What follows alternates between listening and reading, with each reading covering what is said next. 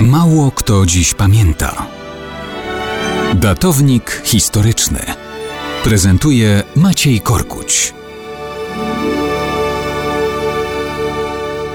Mało kto dziś pamięta, że 8 września 1831 roku po dwudniowych walkach na przedpolu i umocnieniach Warszawy skapitulowała nasza stolica.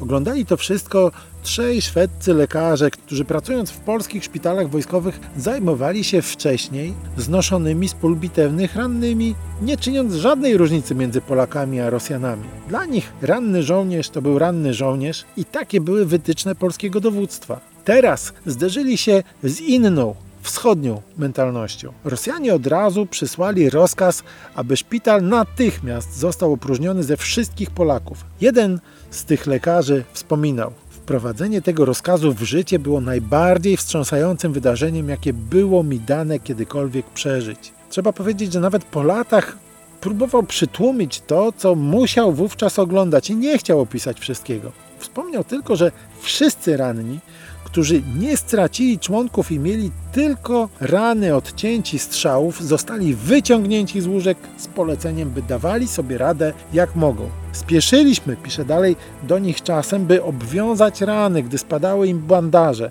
Nie mogliśmy pomóc wszystkim. Zewsząd wołano, prosząc nas o pomoc, i w takich chwilach przenikało nasze dusze rozdzierające uczucie na myśl, że jesteśmy tylko słabymi, bezbronnymi ludźmi. Musieliśmy też odprawić wielu, którzy w odmiennych okolicznościach mieliby prawo oczywiście do naszej pomocy. Nie wiem, gdzie wywieziono tych, którzy przeszli amputację. Pozostali oddalili się, potykając lub pełzając i nigdy już nie zobaczyłem żadnego z nich.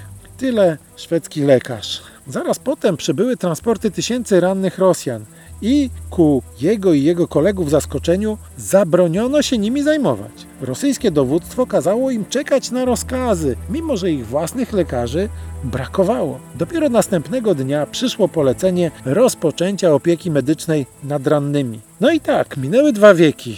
I jeżeli chodzi o traktowanie żołnierzy własnych i cudzych, w gruncie rzeczy w Rosji nic się nie zmieniło.